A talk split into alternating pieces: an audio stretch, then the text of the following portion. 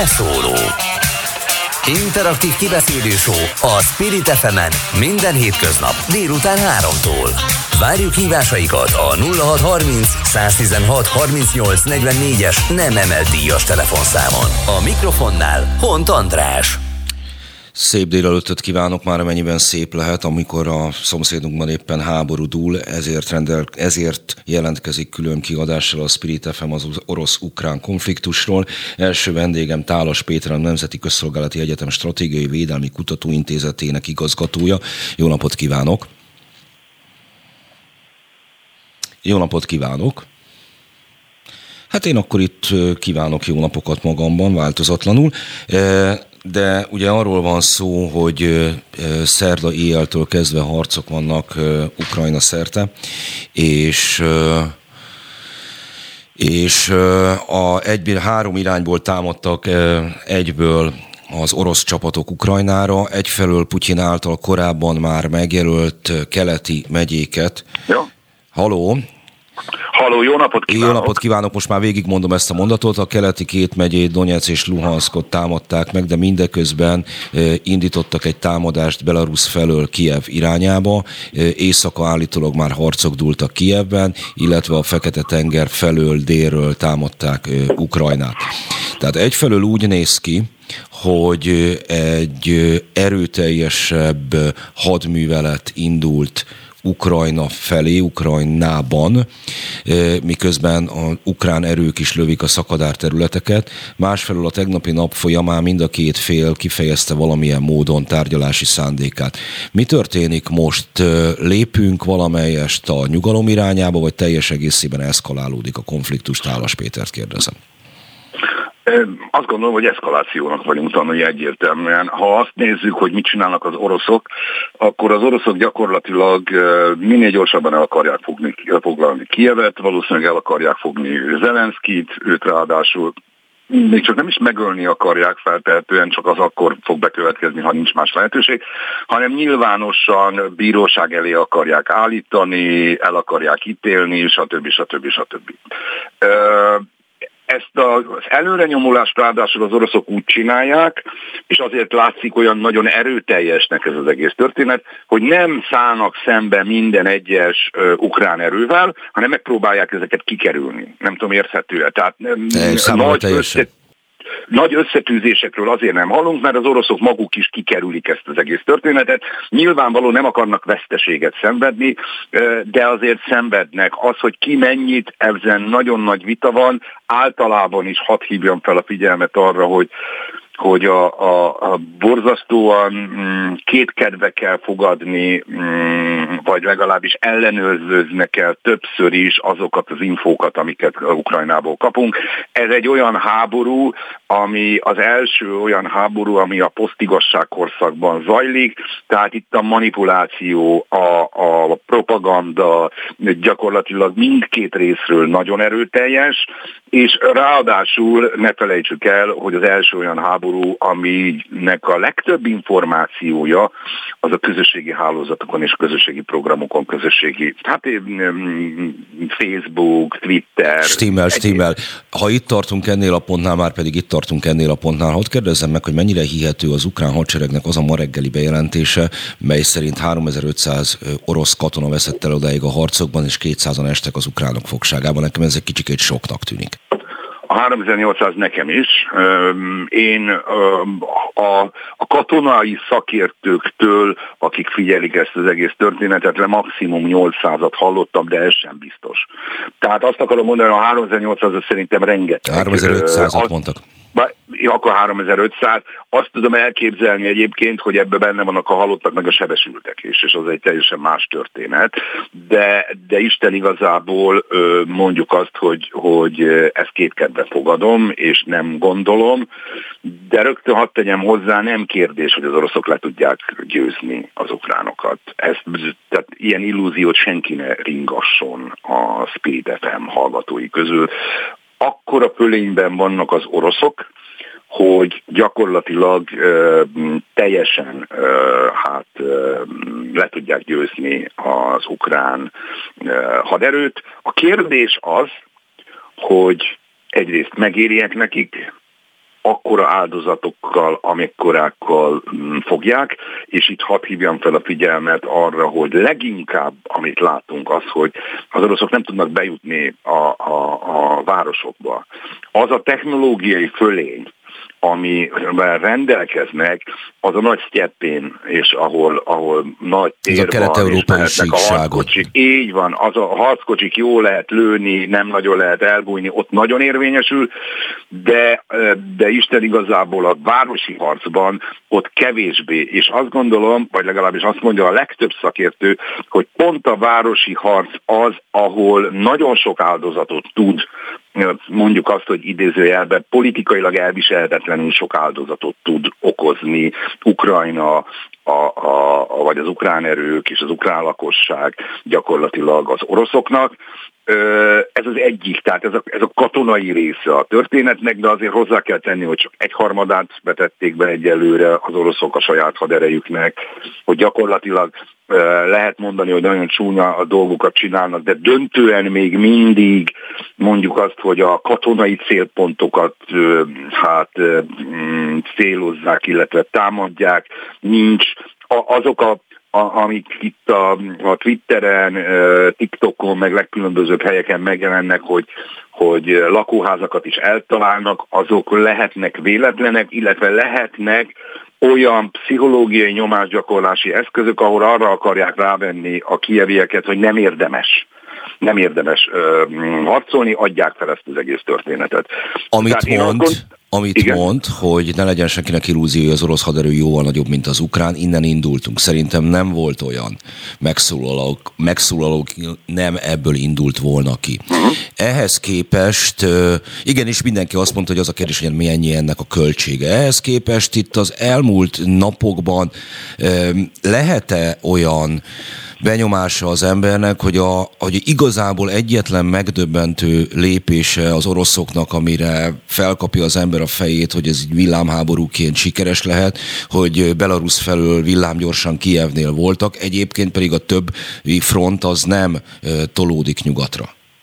Hát nem, különösen érdekes ez egyébként a, a szakadár köztársaságok esetében, ahol ugye a szakadár köztársaságokat, azokat az úgynevezett idézőjelben alkotmányos területükön, vagyis a két megyében, tehát a, a Donetszki és a Luhanszki megyében ismerték el, de ennek a két megyének csak a 40%-át birtokolják a, a szeparatisták, és, és ott sincs akkora marha nagy előre nyomulás, sőt az első Sőt, az nap, ukránok amennyire... lövik például Harkivot meg különböző olyan területeket, amelyek még adott esetben nem is tartoznak a két megyéhez, csak a szeparatisták tartották idáig fennhatóságuk alatt.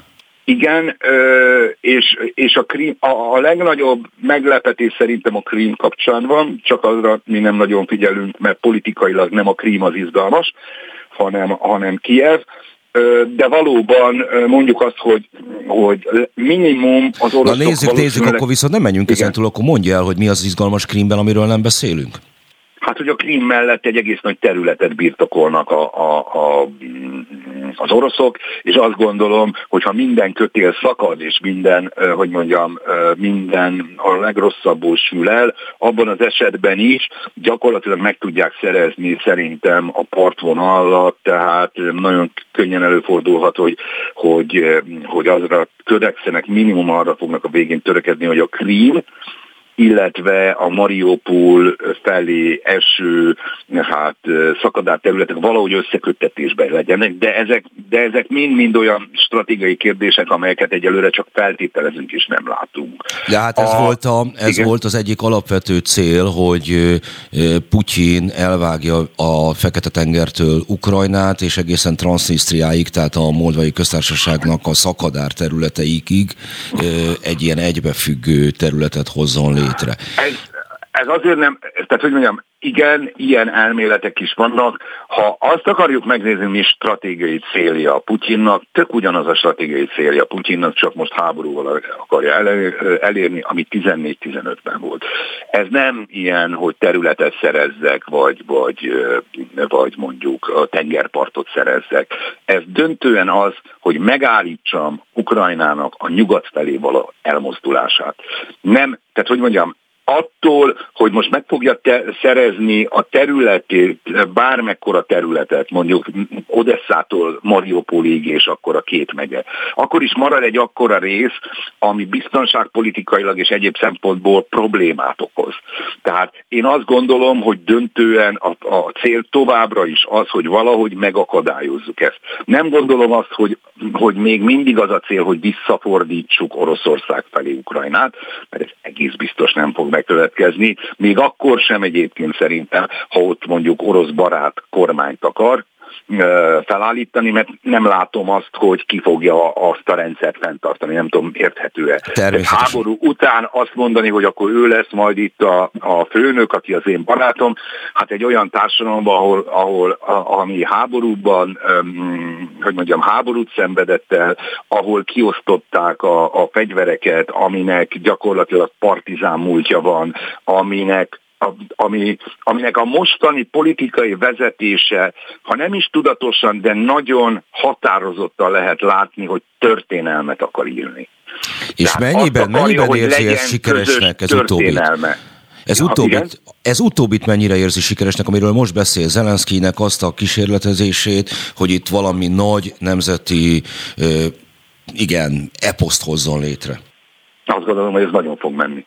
Hát ha belegondolunk abba, hogy Zelenszkijék tudatosan maradtak uh, Kievbe, tudatosan elutasították az amerikaiaknak azt a, azt a hogy mondjam, azt a ki, javaslatát, hogy ők majd kimentik őket. Ez azt jelenti, hogy tisztában vannak az erőviszonyokkal, Szerintem tisztában vannak egyébként azzal is, hogy a nyugat katonailag hát részben későn kezdte el, és korlátosan tudja támogatni őket.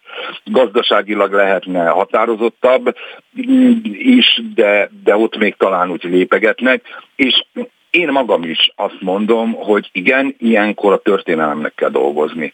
Hogy olyan élménye legyen ennek a társadalomnak ez az oroszokkal szembeni ellenállás, ami a közös Hát mondjuk, hogy a közös történelmi tudatnak egy meghatározó része lesz. Ehhez kell egy olyan hős, mint Zelenszky, aki ráadásul állatira ismeri részben a, a, a, a színházi és az előadás és a legkülönbözőbb kommunikációs trükkeket, hiszen színházban dolgozott, hiszen színész volt, hiszen humorista volt, aki, aki gyakorlatilag mondjuk azt pontosan tisztában van azzal a problémával, amit egyébként mindenki mond, most leginkább egyébként az oroszok, hogy való igaz, hogy nagy problémája az ukrán társadalomnak, hogy nincs közös történelmi múltja.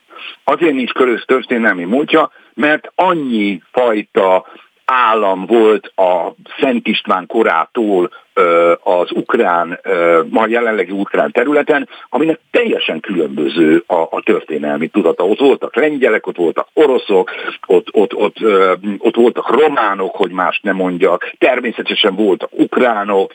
Tehát azt akarom mondani, hogy ez egy hihetetlen nagy kobásza lesz gyakorlatilag ez a jelenlegi esemény, a, a jövőbeni generációk történelmi tudatának, az én megítélésem szerint, és azt gondolom, hogy hosszú távon ez fogja jelenteni a legnagyobb problémát a Putyinék számára. Köszönöm szépen Tálas Péternek, erről mindjárt meg is kérdezem Novák Andrást, aki jelen pillanatban Beregszázban van. Tálas Péter biztonságpolitikai szakértőnek köszönöm szépen még egyszer, hogy velünk volt. És itt, van, és itt van már is Novák András, az ATV haditudósítója, szervusz. Szia, André, szia, szia.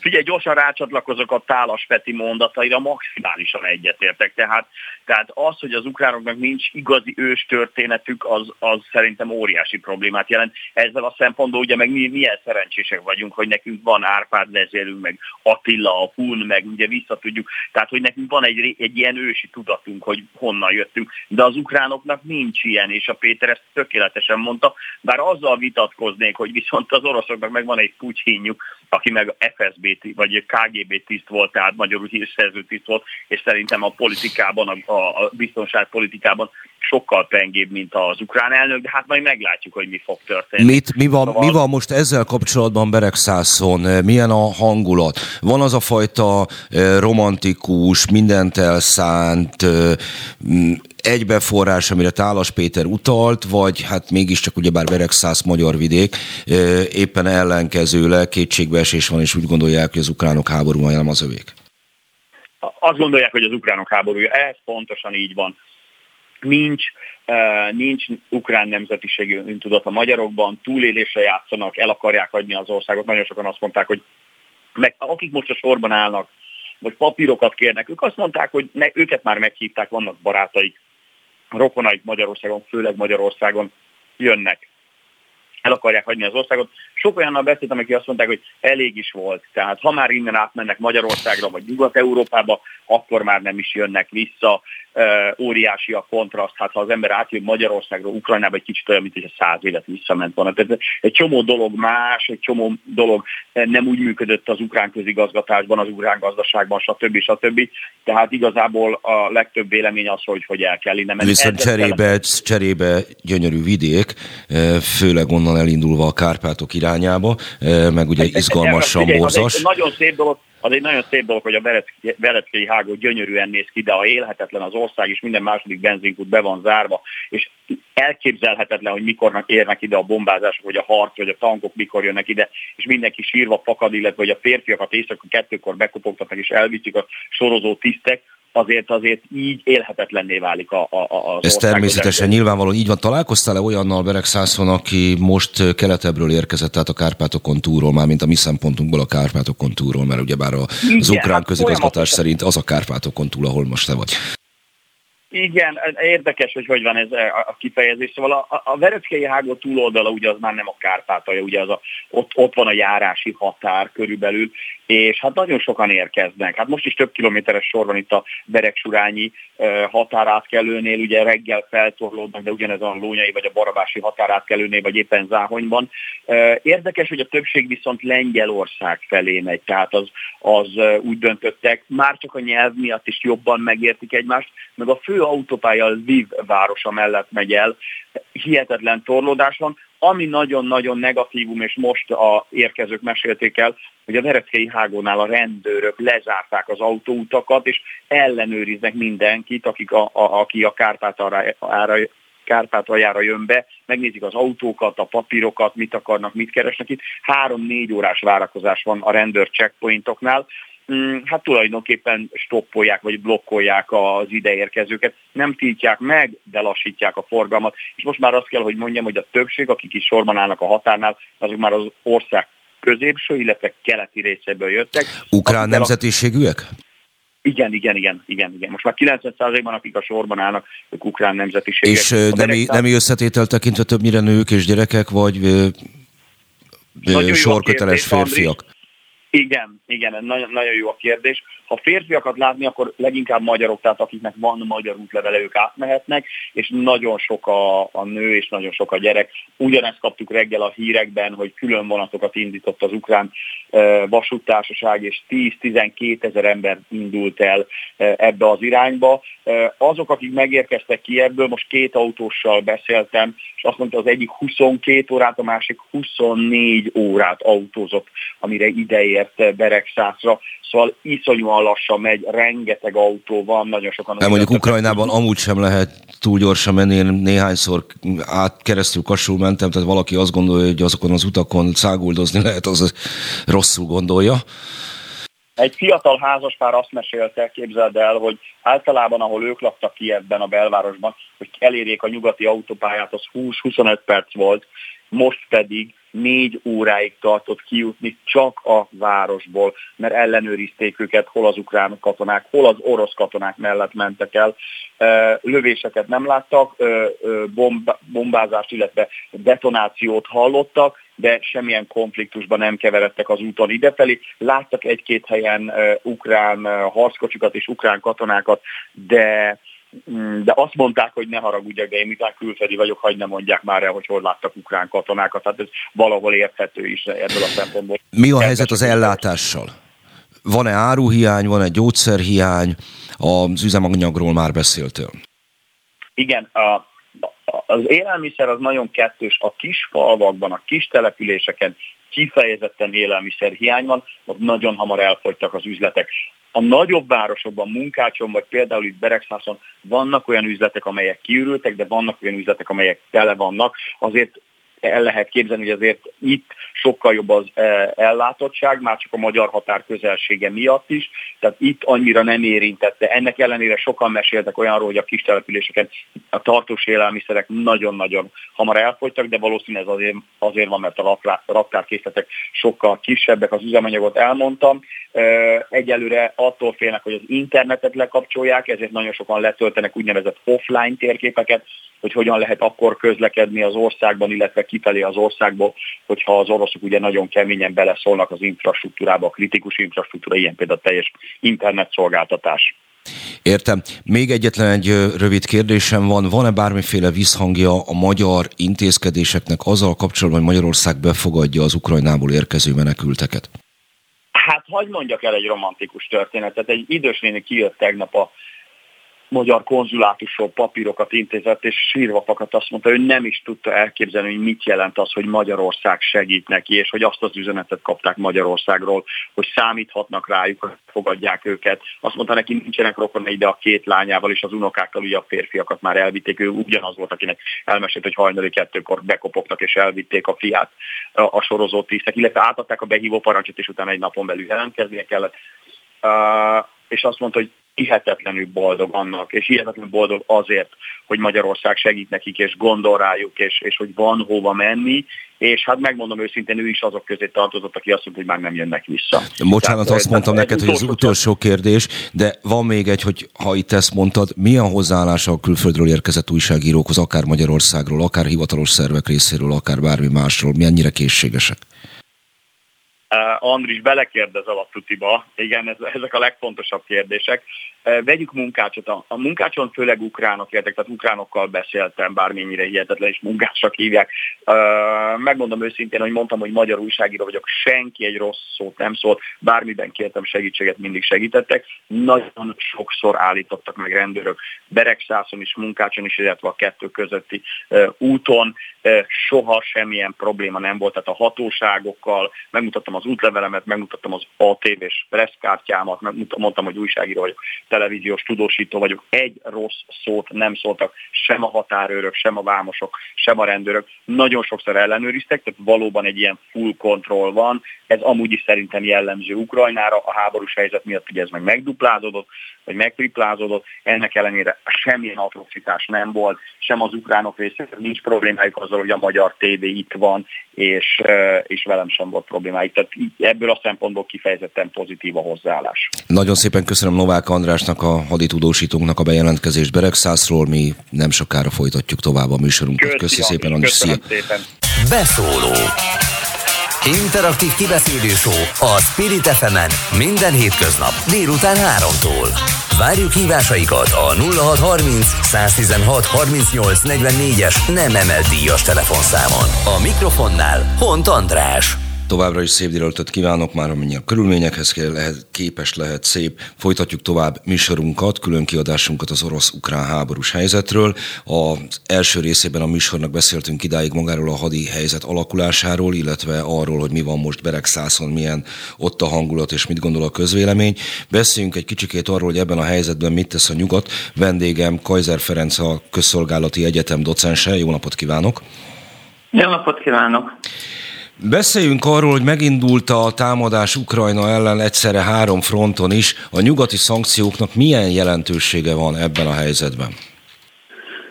Hát igazából semmilyen. Tehát a nyugat ezzel deklarálta, hogy elítéli az orosz támadást. Ugye a német, olasz, magyar, ciprusi és osztrák kvázi akadékoskodás miatt ezek a szankciók azért fellettek vizezve, ugye ezen országoknak az energiabiztonsága, kőolaj és földgáz ellátása, gazdasága nagyon komolyan függ az oroszoktól, tehát a szankciócsomag nem annyira kemény. Egy ilyet Oroszország lényegében már átért 2014-ben, amikor a Krimet foglalt el, meg ugye ezeket az úgymond kelet-ukrajnát erős idézőjelbe szakadár területeket megkreálta. Tehát ezekkel a szankciókkal Oroszország megtanult együtt élni, a következményeket leginkább azért az egyszerű orosz emberek fogják viselni, tehát az ő életük lesz nehezebb, az ő életminőségük fog romlani, az orosz felső vezetést ez nem nagyon fogja érinteni, tehát nyilván nem teszi kellemessé az orosz gazdaság működését, megnehezíti, de ugye itt egy olyan országról van szó, ami egy szándékos fegyveres támadást, ugye a második világháború óta a legnagyobb volumenű fegyveres agressziót hajtotta végre az egyik szomszédos ország ellen. Nem gondolnám, hogy a szankciók azon kívül, hogy a nyugat kvázi még azt is hozzátette, hogy hát nem szégyeled magad, Oroszország válasz erre nyilván az lesz, hogy én azt nem biztos nem szégyelem magam kicsikét azért árnyaljuk ezt a második világháború óta legnagyobb beavatkozási szomszédállam ellen. Hogyan viszonyul ez, mert hallottam ezt is, azt is az elmúlt héten, Szovjetunió beavatkozásaihoz a szomszédállamok ellen, tehát például 56 Magyarország, 68 Csehszlovákia, 81 Afganisztán. Az erők számát tekintve Ugye itt több mint 150 ezer egyes források szerint 190 ezer fős orosz haderő rendült támadásra. Ekkora volumenű erőt nem vetettek be, és ami óriási különbség, hogy viszont ezek az erők nagyon komoly ellenállásba is ütköztek, tehát nagyon komoly harcok bontakoztak ki. Ugye 56-ban volt egy-két kisebb magyar ellenállási góz, de a magyar honvédség, a magyar néphadsereg akkori nevén nem folytatott szervezetszerű ellenállást. Ugye Afganisztánban is az afgán haderőnek egy jelentős része, akiket a szovjet akadémiákon képeztek ki, vagy letette a fegyvert, egyes más, egyik másik egység pedig átállt. Tehát a 68-as prágai tavasznál is nagy létszámú erő vonult be, de igazából nem volt szervezett katonai ellenállás. Ez itt most háború, mert az ukránok ellenállnak, tehát védekeznek, védik a hazájukat. Ilyen volumenű művelet nem volt Európában, ugye nyilván más helyen volt, ugye gondoljunk csak az öbölháborúra, vagy az irak-iráni háborúkban, de Európában ez a legnagyobb fegyveres konfliktus a második világháború lezárulta óta. És ön mire számít? Hova tudják ezt eljuttatni az oroszok? Megdöntik-e az orosz kormányt? elfoglalják Ukrajna területének nagy részét, akár egészét, vagy még előtte tárgyalóasztalhoz kényszerülnek a felek? Ugye az oroszok szerintem egy kicsit eltaktikázták magukat. Nem a nemzetközi reakciókban, mert ott szerintem pont azt kapták, amire számítottak, tehát egy lassú, elhúzódó, komoly vitákkal terhelt európai reakciót, egy határozottabb, de szintén nem annyira kemény amerikai, hogy mindenki egyezkedni akar Oroszországgal. Moszkva nagyon komolyan meglepett egy csomó vezetőt, meg a legtöbb szakértőt, mert gyakorlatilag nagyon kevesen hitték, hogy Oroszország elmegy a fegyveres erőszakig. Viszont innentől kezdve Oroszország be is csapdázta magát, mert ezt a háborút meg kellene nyernie, és ha figyeljük az elmúlt időszak híreit, az orosz páncéloséket nagyon szépen törtek előre mindaddig, amíg az első nagyváros az útjukban nem került, ahol az ukránok a városokra, a lakott települetekre, területekre építve igyekeznek védelmi állásokat képíteni.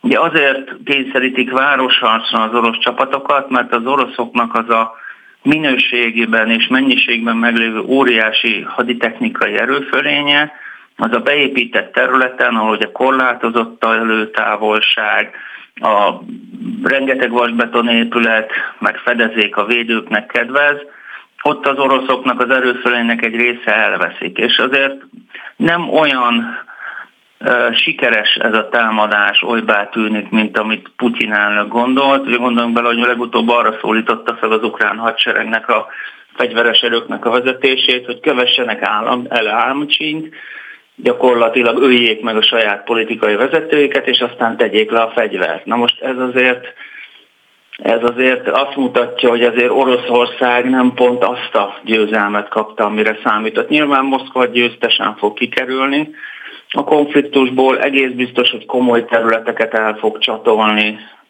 Ukrajnától, tehát az, ugye senki nem gondolja komolyan, Oroszország segíteni akar az ukrán népen, óriási ember és technikai áldozatokkal elfoglalja Ukrajna területének a nagy részét, majd onnan magától kivonul, hogy az orosz történet pont arról szól, hogy az oroszok minden népnek megadták a szabadságot, amit először elfoglaltak. Tehát ez egy fódító háború.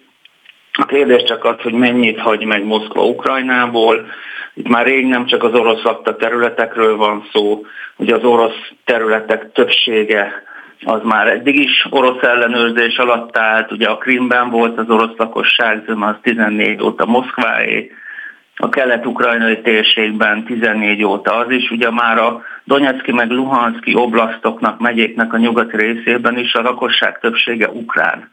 Tehát ez egy hódító háború, nagyon komoly politikai üzenettel, ez nem csak szerencsétlen ukránokról szól, ez a posztszovjet térség összes többi államának is üzenet, amik eddig még nem tudtak belépni az EU-ba meg a NATO-ba, ugye ez csak három balti államnak sikerült, hogy bárki elkezd közeledni a nyugathoz, azt Moszkva akár katonai erővel is, hát mondjuk úgy lebeszéli erről. Mi történik abban az esetben, hogyha a hódító háború olyan mértékig sikert arat, hogy olyan területek kerülnek orosz vagy orosz befolyásoltságú szakadár ellenőrzés alá, amelyek jelentős ukrán lakossággal bírnak? Mert azt ugye láttuk, hogy a Krímnél villámgyorsan egy lakosság cserét, kitelepítést hajtottak végre, illetve annak a két Donetszki megyének, Luhansznak és Donetsznek a csak az oroszok, orosz ajkúak lakta részét szakították le az ukrán fennhatóságról az ott élők. Abban az esetben, hogyha orosz fennhatóság alá olyan területek is kerülnek, ahol ukránok élnek, akkor onnan teljes kivándorlás lesz, vagy egy biztonságpolitikai kockázatot húz Oroszország a saját nyakába? Hát itt nyilván lesz egy exodus, tehát már most megindultak millió szám az emberek. Gondoljunk bele, hogy Harkiv másfél milliós Kiev lakossága valahol három és fél és négy millió között van, Mariupol megint közel van a millióhoz. Tehát itt óriási nagyvárosok körül a birtoklásáért zajlik a harc. Hatalmas mennyiségű szerencsétlen ember igyekszik menekülni.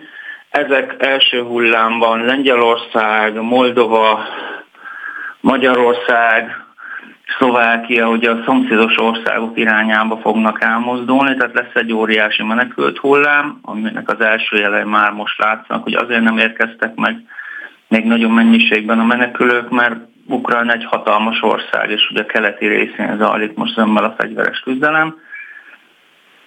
Nyilván az oroszok mindent megtesznek, hogy elzavarják onnan az ukrán lakosságot, de ez, ebbe benne van az is, hogy most már ugye úgymond csecsen önkéntesek is csatlakozni fognak, ugye ezek a csecsen csapatok hát nem éppen a hágai nemzetközi hadijog figyelembe tartására vannak kiképezve ezek a szabad csapatosok, tehát ennek kvázi már most egy olyan potenciális hatása van csak a bejelentésnek, hogy még egy újabb menekült hullám elindult.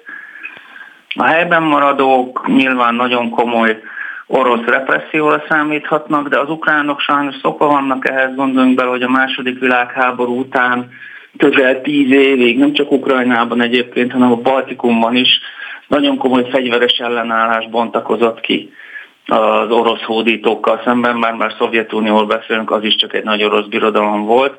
Tehát van sajnos egy olyan forgatókönyv is, amire az oroszoknak is számítaniuk kell, ha túl nagy területet foglalnak el, ott a lakosság egy része biztos, hogy gerilla háborúba kezd ellenük. Tehát az ukrán lakosság zöme eddig sem szerette az oroszokat, és a mostani események sem segítettek nekik abban, hogy megszeressék a megszállót. Tehát, és nem véletlen egyébként az, hogy elképesztő mennyiségű könnyűkézi fegyvert osztott ki az ukrán nemzeti gárda, meg az ukrán fegyveres erők.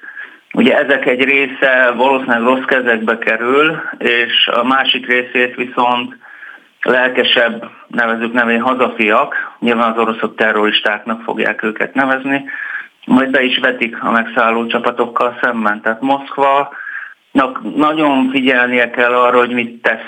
Csak az a baj, hogy ugye a világ eddig sem tudta kiszámítani az orosz lépéseket, most pedig mindenki Szerintem a legtöbb nyugati vezető döbben, döbben csendben néző, hogy mit csinálnak az oroszok, majd akkor lehet egyezkedni, amikor ők deklarálják, hogy elérték a végcélt, amit még valószínűleg ők sem tudnak, hogy mi.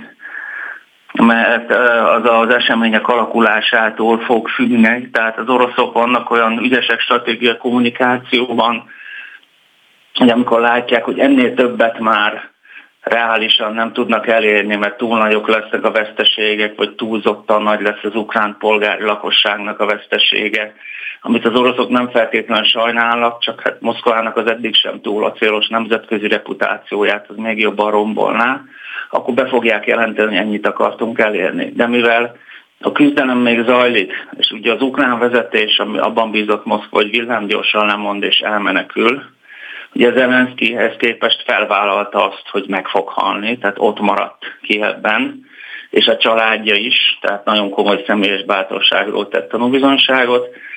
Ez a forgatókönyv nem működik, hogy tűnik, hogy az ukrán állam kitart, és Moszkvának most ehhez kell alkalmazkodnia, de legyünk tisztában, ezt a háborút Oroszország már hónapok óta tervezi, tehát erre is van tervük, tehát az oroszoknak azért mindenféle forgatókönyvre megvan az előre elkészített tervük.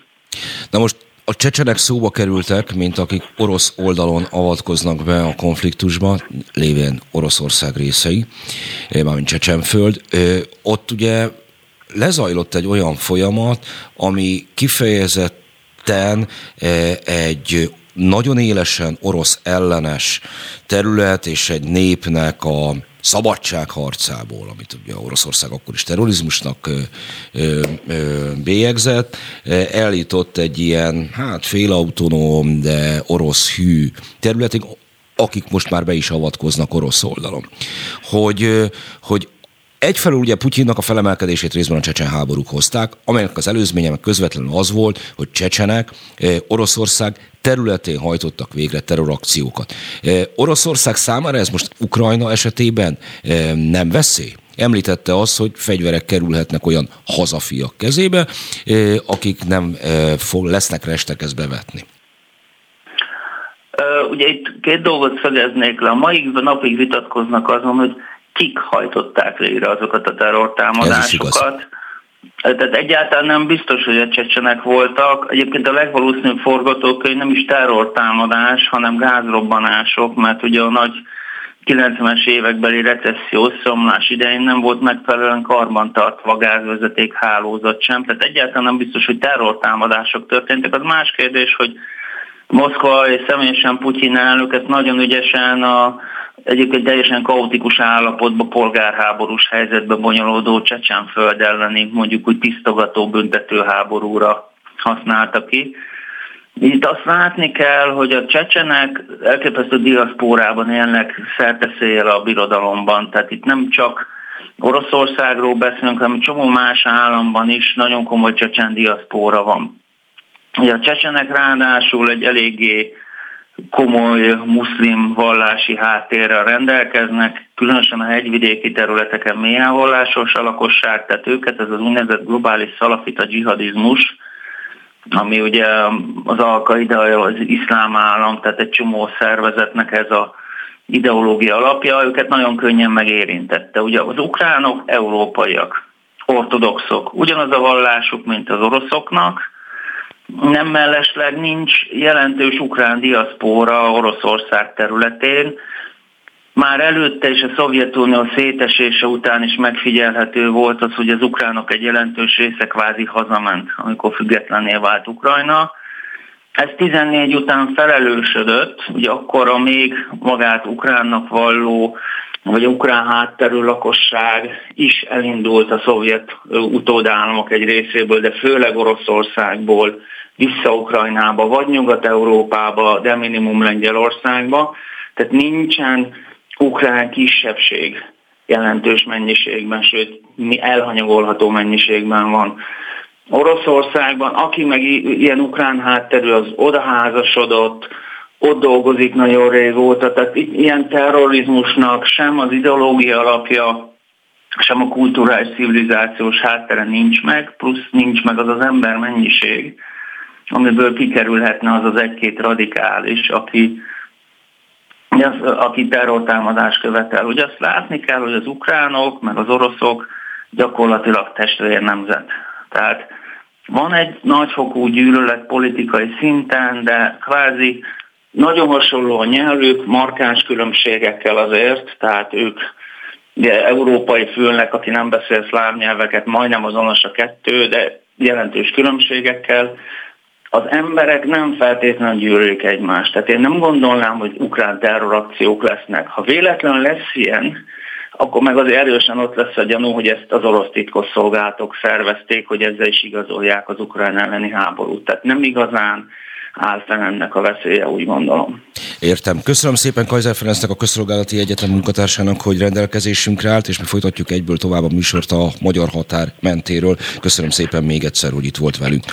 És egyből itt van már eh, Varga Krisztián, az ATV híradó eh, riportere, aki jelen pillanatban eh, a magyar határnál, a Fehér Gyarmati gyűjtőállomásnál van. Szerbusz!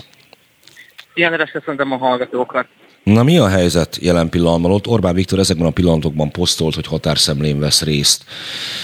Ahogy említetted, most fehér gyarmaton vagyunk, és ezekben a pillanatokban megérkezett egy traktor, és ilyen elválasztó elemeket szednek le, mármint elzárják ezt a sportcsarnokot, ezt a gyűjtőpontot, ahová egyébként azokat fogják elszállásolni, akik ugye átjöttek a határon. Nagyjából 20 percre érkezett egy rendőrségi busz, a rendőrségi busz hozta meg azokat az embereket, akik a határon átjöttek, de nem volt hol menniük. Nagyjából 30-40-en szálltak le, a sportcsarnoknál rendőrök vannak, katasztrófavédelem munkatársai, és uh, mi úgy tudjuk egyébként, hogy azok jöttek ide, akiknek a papírjai nem teljesen voltak rendben, vagy akiket a határmenti szállásokon már nem tudtak elszállásolni, és itt pont egy úriember elhaladt mellettem, telefonon beszélt, és olyasmit említett még, hogy talán akinek nincsen papírja, annak most itt csinálnak, ez most pontosan nem tudom, mit jelent, és plusz, vagyis biztos információt még nem kaptunk a rendőrség részéről, vagy a hatóságok részéről. Úgyhogy egyelőre az, amit tudok mondani, amit itt látunk, a sportcsarnok, a sportcsarnokban már bementek azok, akik megérkeztek, az a 30-40 ember, ugyanakkor páran még vannak kint.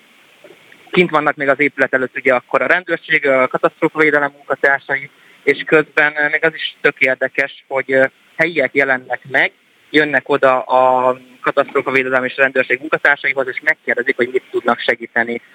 Ezt akartam kérdezni, hogy a, épp a hangulat, a hozzáállás, a lelkiállapot milyen helyben, mind a menekülteké, mind a helyieké, mind pedig a hivatalos szerveké, de akkor ezek szerint egy ilyen roppant konstruktív hozzáállást érzékez minden oldalról?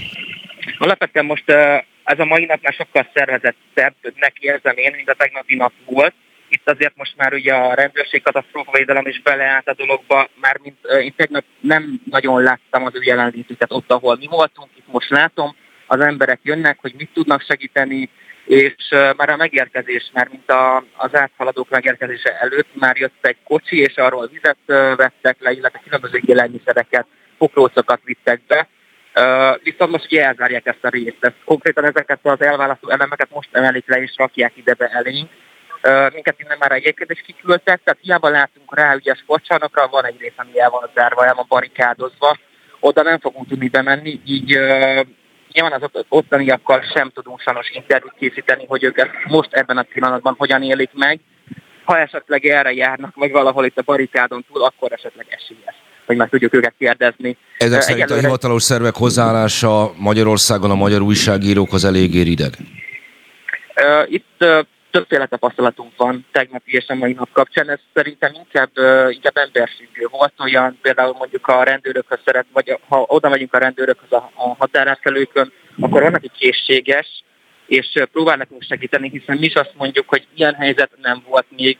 Nyilván, hogyha mondunk valamit a médiában, akkor már olyat mondjuk, ami egyébként valós, valós információ, pedig tőlük tudunk kapni. Van, aki ebben partner, és van olyan, aki nem de ez teljesen meglepő. Szóval szerintem emberfüggő alapvetően az, hogy kapunk-e információt, vagy nem, vagy hogyan állnak hozzánk. Ez a saját tapasztalatom most ugye két nap alapján, lehet, hogy más, más tapasztalata van ennek kapcsán. Említetted azt, hogy a helyiek mennek oda, hogy miben segíthetnek. Tudtál-e beszélni járókelőkkel, helyben élőkkel, mire számítanak, mik a kilátások, aggódnak, vagy, vagy elszántak? Alapvetően ugye itt segítőkészek, azért meg is említettem, kettő-három ember már megjelent, akik segítenének, ugyanakkor azt is meg kell említeni, hogy nem tudom, hogy ez mennyire mi a dolog, hogy ez a gyűjtőpont itt kialakult, hiszen itt egy úriember, egy másik úriember megint eljött biccaja mellettem, és tőlem kérdezte meg, hogy itt most mi történik. Úgyhogy én röviden elmondtam neki azt, amit tudok.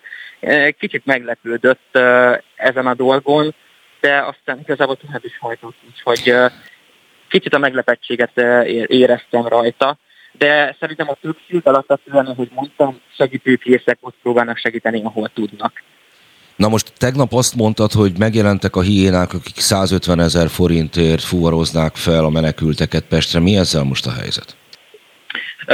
A határokon most is ott vannak kis buszok, viszont ugye minden kis busz nem tudunk leellenőrizni, hogy ők hogyan dolgoznak. De az tényes való, hogy vannak olyan szolgáltatások, tehát vannak hiénák is, és vannak olyanok is, akik ugyan ellenszolgáltatás javában, de még mindig úgymond normális árért viszik el az embereket bizonyos helyekre, és azért most már megjelenik az is, hogy segítőkészek az emberek, egyre többen jelentkeznek olyanok, akik ingyenesen viszik el a rászorulókat mondjuk A-ból B helyre. Nem sokkal ezelőtt voltunk ugye Tiszabecsen, ott megnéztük a, a helyi menedékszállót is, vagy melegedőhelyet is, és jártam ott a polgármesteri hivatalban is, és pont akkor lépett be kettő úriember, akik Mérken laknak, az annyira messze nincs innen.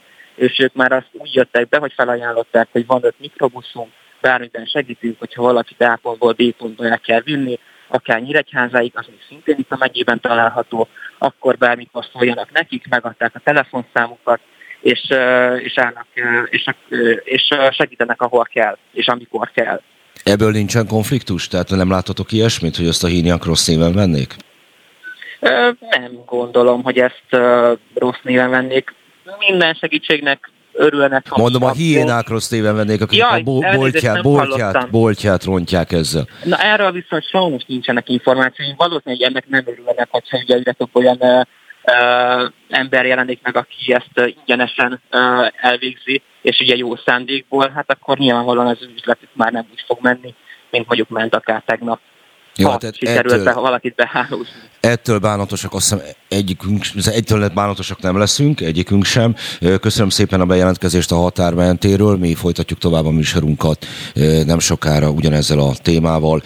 Természetesen sajnos még lesz munkád ezzel az elkövetkezendő napokban. Szervusz! Beszóló Interaktív kibeszélő a Spirit fm minden hétköznap délután 3-tól. Várjuk hívásaikat a 0630 116 38 44-es nem emelt díjas telefonszámon. A mikrofonnál Hont András. Folytatjuk műsorunkat, jó napot kívánok! Vendégem Sziherle Patrika Political, Political Capital elemzője, és az elmúlt órában többször szóba került az, hogy nem lehet tudni pontosan, hogy mi igaz azokból a hírekből, illetve azokból a beszámolókból, akár képes beszámolókból, amelyek jelen pillanatban a háborús területről érkeznek. Az lenne a kérdésem, hogy hogy kell hozzáállni ezekhez az információkhoz? Jó napot kívánok! Um, alapvetően Ugye az internetnek megvan az az előnye, hogy gyakorlatilag bárki bármilyen információt el tud érni, ugye viszonylag könnyen, ennek viszont az, az is a hátránya, hogy gyakran találkozunk olyan információkkal, amik ugye adott esetben nem bizonyulnak igaznak. Igen, az ukrajnai háborúval kapcsolatban is ugye egyből megszülettek úgymond videós bizonyítékok, különböző harci cselekményekről, amik adott esetben már egy 2020-as hat gyakorlaton készültek. De alapvetően szerintem, a, amit az olvasóknak uh, figyelembe kell venniük, az első és legfontosabb az az, hogy olyan forrásból tájékozódjanak, amikről azért tudni lehet, hogy megbízható források. Most egy külföldi példát mondok, mondjuk a, a BBC adott esetben például. Um, érdemes megpróbálni több forrásból is utána olvasni, több megbízható forrásból is utána olvasni egy-egy eseménynek, megnézni, hogy azokról a jelentések a különböző oldalakon például egy irányba esnek-e. Szerintem alapvetően ez a, ez a két legfontosabb dolog, amit, a, amit meg lehet csinálni, és ami viszonylag könnyű. Nyilván, hogyha, hogyha valaki nagyon erősen uh, ellenőrizni akarja saját maga is az információt, akkor, uh, akkor persze megéri egyébként uh, úgymond magunknak is fekcsekkelni ezeket, viszont nyilván mondjuk olyan források, amik akár mondjuk ukrán nyelven születnek, akár orosz nyelven születnek, ezeket, ez, a, ez a nyelvtudás ugye azért sokaknak nincs meg, tehát hogy ez, ez viszonylag nehéz így, ezért hogy érdemes inkább a, a, a hagyományos és megbízható médiára támaszkodni. Na most volt egy egészen konkrét eset, amely végig söpört a világ médián. Őszintén szólva én is a hatása alá kerültem, ez a Kígyó-sziget elfoglalása, illetve a rádióüzenetek ezzel kapcsolatban. De felmerült mindeközben az a gyanú is, hogy, vagy nem is gyanú, hanem az, hogy a kételj, hogy akkor most ez pontosan hogyan is történt, tehát tényleg úgy történt, hogy, a, hogy az önfeláldozó és, és tényleg a, a hősiességnek a maximumát nyújtó ukrán szigetvédők elküldték, hát hogy is mondjam, a halálba a támadó orosz hadihajót. Lehetnek-e kételjünk ezzel a felvétellel kapcsolatban, mint az ukrán legendáriumnak egy előállított változatát, vagy elfogadhatjuk, hogy ez tényleg úgy történt? Most tehát kételjeink azért ezzel kapcsolatban mindenképpen lehetnek. Ugye itt ismét arról van szó, hogy mondjuk azok, akik, és közéjük tartozom én is, akik mondjuk azért egyrészt nem tudnak sem ukránul, sem oroszul, akik nincsenek otthon mondjuk az ukrán belpolitikai helyzetben, azoknak azért mindenképpen érdemes, mindenképpen érdemes valamilyen fenntartásokkal kezelni. Ugyanakkor mondjuk azt is mondjuk el, hogy ahogy az előbb említettem, azért a a, a hagyományos és a tényszerű újságírásra uh, hajló médiumok is tényként kezelik ezt. Uh, ettől függetlenül lehetnek kételjénk, hogy nyilvánvalóan egy, egy háborús helyzetben azért uh, egy demokratikusabb államnak a kommunikációja is más, mint lenne mondjuk békeidőben, hiszen mondjuk vannak olyan uh, dolgok, amiket egy háborús helyzetben nem tudunk kimondani, és vannak olyan dolgok, amiket egy háborús helyzetben azért egy demokratikus államnak is uh, megéri kimondani, még akkor is, hogyha nem fedik százszerzalékig a valóságot. Nyilván azért uh, egy ilyen eset, még adott esetben a, az ukrán uh, erőknek a harci szellemét is erősítheti, az ukrán embereknek a harci szellemét is erősítheti, ami jelenleg nyilvánvalóan ugye azért a, az ukrán vezetésnek a célja is és különösen ugye abból a szempontból, hogy ezzel szemben meg, hogyha a Kreml propagandáját uh, állítjuk szemben nekik, ugye meg pontosan az a céljuk, hogy elvegyék uh, az ukrán seregek, az ukrán emberek harci kedvét a dezinformációs uh, erőfeszítéseik segítségével, tehát hogy mondjuk a, az rt.com-on például, vagy akármelyik uh, Kreml szócsövön konstantan arról látunk híreket, hogy a, az ukrán hadsereg uh, katonája azok folyamatosan adják meg magukat, fehér zászlókat lengetve, és hagyják el az állásaikat. Mi az, amit ebben a helyzetben az egyik, illetve a másik fél el akar hitetni? Hát, tehát ugye egyrészt a Kreml jelenleg azt próbálja elhitetni, hogy azért az nem egyértelmű, hogy ő egyoldalú háborút indított Ukrajna ellen. Ugye miért? Azért, mert azokat az államokat a modern Európában vagy akár csak a modern világban, akik egyoldalú háborút indítanak egy másik állam ellen, azokat azért mélyen elítélik. Tehát ja, a háború kitörése után azt meg lehetett figyelni, hogy olyan orosz, azaz a Kreml pártinak elkönyvelt politikusok, mint mondjuk Marine Le Pen, um, élesen elítélte az agressziót. Um, a Kremlnek szintén célja elhitetni, hogy uh, ugye ők mindössze önvédelemből cselekszenek, mert ugye um, az ukránok népírtást követtek el a, az Ukrajnában élő oroszok ellen. Ugye erről nyilvánvalóan szó sincsen, de onnantól kezdve, hogyha valaki elfogadja azt a narratívát, hogy itt már pedig az ukránok uh, oroszokat írtottak, akkor azért már is elfogadható az, hogy Oroszország ugye támadást indított Ukrajna ellen. És ahogy már említettem, hogy a Kremlnek szintén célja, hogy elhitesse azt, hogy az ukrán sereg gyenge, megadják magukat folyamatosan a katonák, um, ezzel pedig ugye rombolva az ukrán morát. Ugye Ukrajnának, amit úgymond esetleg el kell hitetnie az az, hogy uh, ugye nagyon tisztesen helytállnak a jelen katonai helyzetben, tehát ugye például a brit védelmi miniszter uh, beszélt arról, hogy valószínűleg az oroszok azok bőven nem érték el még az első 24 órára kitűzött céljaikat. Tehát azt nem kell elhitetni, hogy, uh, hogy, hogy helytállnak a katonáik, viszont esetleg egy kisebb túlzással azért nyilván az ukrán állam is élhet mondjuk ebből a szempontból. Ezen kívül mondjuk, hogy a Ukrajnának sok mindent nem kell elhitetni, hiszen ők, a, ők az áldozat, tehát hogy őket támadták meg bármiféle provokáció nélkül. Uh, így ebből a szempontból én nem látom, hogy nekik egyébként kifejezetten uh, valamiféle manipulatív uh, eszközökkel kellene élniük ebből a szempontból. Szóba hozta Marine Le pen illetve megemlítve azokat a politikusokat és erőket, amelyek Európa szerte inkább orosz barátnak tekinthetők, és az ő reakciójukat azzal kapcsolatban, hogy most élesen elítélték az orosz támadást. Igaz ez Magyarországra is, amelyik, amely ország megpróbált szívélyes kapcsolatokat Putyin elnökkel és rendszerével kialakítani az elmúlt időszakban, elég itt csupán Paks 2-re, az orosz hitelre és, és a gázszállításokra utalni, illetve azon alkalmakat megemlíteni, ahol a, a kommunikáció számára egy ilyen különleges kapcsolat bemutatása került, hogy az volt kommunikál, vagy egy ilyen különös kapcsolat van a magyar és az orosz vezetés között. Ehhez képest Magyarország is roppant határozottan és meglehetősen gyorsan ítélte el Oroszország lépéseit. Ezzel szemben a magyarországi média, a kormány média, mintha nem tudna ezzel lépést tartani. Nem így látja? Itt van egy, van egy erős kettősség. A, a, nem csak a kormánypártok, hanem a, a kormánypártok körüli média influencerek, szakértők körében. Ugye, hogyha a kormány médiát is megnézzük, akkor is azt is látjuk, hogy azért vannak olyan cikkeik, amik viszonylag tárgyalagosan mutatják be a helyzetet, ilyeneket látunk ugye a híradó.hu.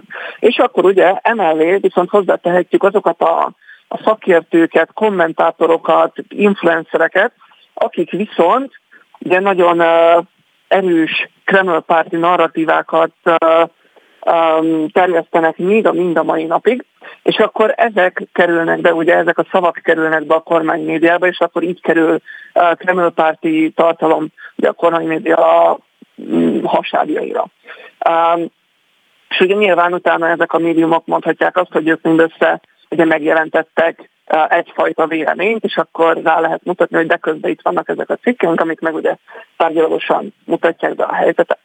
Um, és ez a munkamegosztás, én úgy vélem, hogy a jelen helyzetben maradni is fog. Tehát, hogy látni fogunk egy azért viszonylag Ukrajna mellett kiálló, Oroszországot is időnként elítélő kommunikációt a kormánypárti politikai elit részéről, és akkor vannak még ezek, a, ezek az úgymond csatolt részek, amik, amik viszont ugye továbbra is Kreml-párti um, valatívákat fognak terjeszteni. Ugye volt is olyan um, Hát most én influencernek, kormánypárti influencernek fogom nevezni, nem mondom el a nevét, aki a, a Pesti srácokon úgy gyakorlatilag, Pesti srácok oldalán gyakorlatilag bizonyít egy sort, hogy a, a, a, a nagy baj az az, hogy most a, a magyar különutas politikát ugye innentől kezdve nem lehet majd folytatni. Én inkább zavart érzek azért az erőben, mert uh, hiába van ez a munka megosztás. De Orbán Viktor akkor is beszél, akkor is intézkedik, akkor is az uniós vezetőkkel közösen cselekszik, miközben úgynevezett szakértőktől, hát ahogy is mondjam, a szakértelemnek a homályos területéről előrángatott figuráktól pedig azt hallhatja a köztévé elé szegezett közönség, hogy Orbán Viktor nem a jó oldalon áll.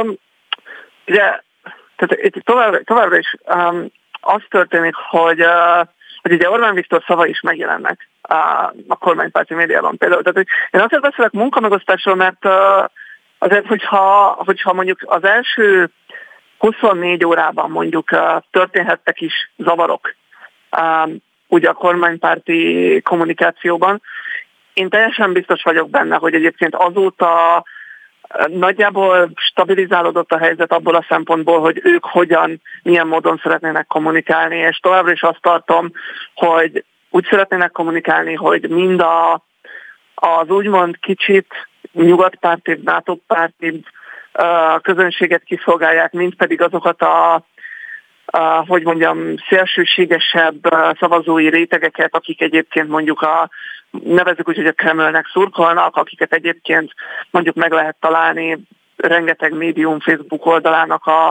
a komment szekcióiban, akik továbbra is amellett érvelnek, hogy már pedig abszolút jogos, amit Putyin csinált, mert ő csak megvédi az oroszokat, és utána gyakorlatilag felmondják az összes többi Kreml párti narratívát is. Most ezek azok a szavazói rétegek, akikre ezek a, a kormánypárthoz azért valamilyen szálakon kötődő influencerek, szakértők, kommentátorok úgymond udvarolnak idézőjelben. De én ezt változatlanul nem látom, hogy ez a gyakorlatban hogy vezethet bármiféle eredményre, ha egyszer a szakértőktől meghallgatom azt, hogy Oroszországnak kéne szurkolni, miközben a magyar miniszterelnök effektíve Oroszországgal szemben intézkedik. Én, én, én értem a kettős beszédet, csak a kettős beszéd össze tud gabajodni. A kettős beszéd az természetesen össze tud gabajodni, de egyébként azért uh, tehát én egyrészt nem, nem látom azt, hogy mondjuk ez a téma, külpolitikai téma lévén olyan elképesztő változásokat, változásokhoz vezetne a, a pártpolitikai térben. Persze, mivel ugye nagyon, azért nagyon nehéz felmérni, főleg nagyon nehéz felmérni egy pár nap alatt valaminek a hatását mondjuk a, a választói preferenciákra, Ettől függetlenül, tehát én úgy érzem, hogy ez még mindig egy olyan téma, ami nem lesz feltétlenül döntő kérdés mondjuk a, a választási versengésben. Nyilván ez még azért hátra van 5-6 hét, ez még azért addig alakulhat, de így ebből a szempontból vélhetően úgy mérik fel mondjuk a, a kormánypártok köreiben, hogy ez a kettős beszéd lehet az a megoldás, amivel nagyjából egyben lehet tartani a tábort. Na hát akkor ezt majd meglátjuk. Köszönöm szépen. Szia. Patrik elemzőnek, a Political Capital munkatársának, hogy rendelkezésünkre állt, és akkor folytatjuk tovább a műsorunkat egyenesen a Kárpátaljáról. Köszönöm szépen még egyszer viszont hallásra. És már is itt van velünk Dunda György, a Kárpáti Igaz Szó főszerkesztője. Jó napot kívánok! Jó napot kívánok! Hát akkor hadd tegyen fel a legamatőrebb és hülyébb kérdést itt rögtön az elején, hogy van? Igen, ezt kérdezi mindenki több a napjában.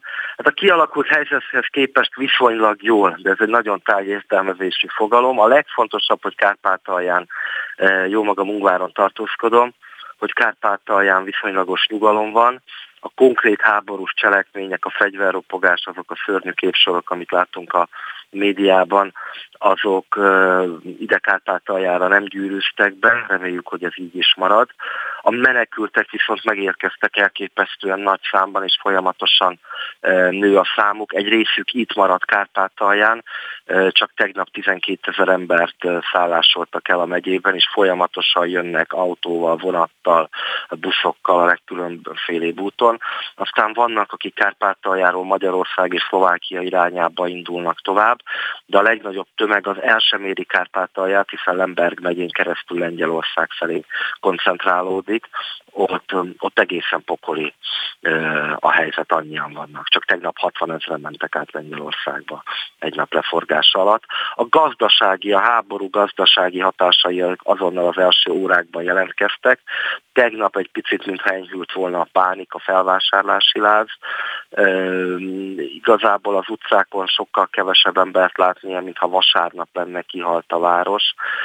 Csak a legfontosabb üzletek tartanak nyitva, élelmiszerüzletek, töltőállomások. Sok helyen ott is bezártak, mert ideglenesen elfogyott az üzemanyag, ahol még vanat korlátozták a felvehető mennyiséget. Bankoknál hatalmas sorok vannak, picit csökkent csütörtökhöz képest, a háború első napjához képest. Tehát ezek a ezek a, ha lehet úgy mondani, a klasszikus azonnal megnyilvánuló első negatív hatások, azok, azok viszont azokat érzékeljük, tapasztaljuk, és hát a riadalom, a pánik hangulat.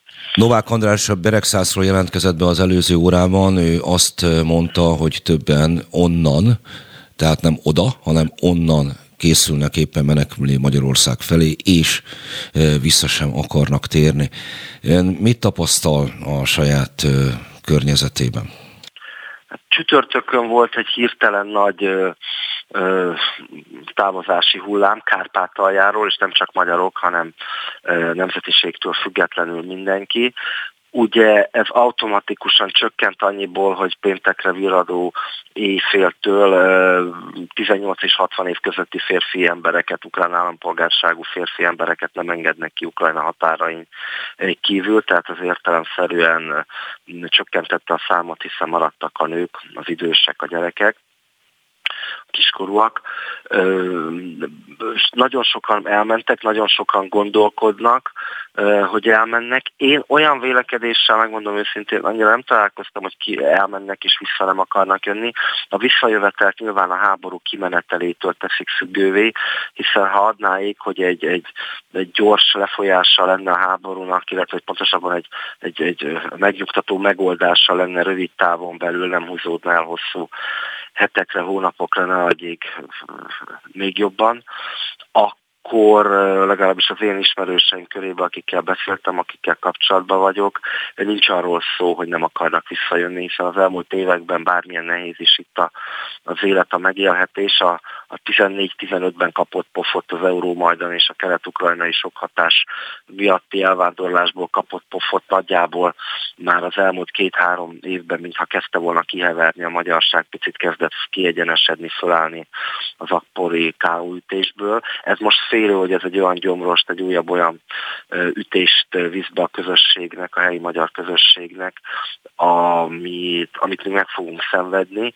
de én azt érzékelem, hogyha rövid távon megnyugtató megoldás születik, akkor amit itt az emberek azért elkezdtek csinálni, felépítettek, igyekeztek szülőföldön maradni, akkor azért visszajönnek, ha, ha, ha kiegyenesednek a dolgok. Ez, ez nyilván a háború hatásaitól, gazdasági hatásaitól fog függni elsősorban. Ön kit hibáztat a háborúért elsősorban? Nem, nem elsősorban.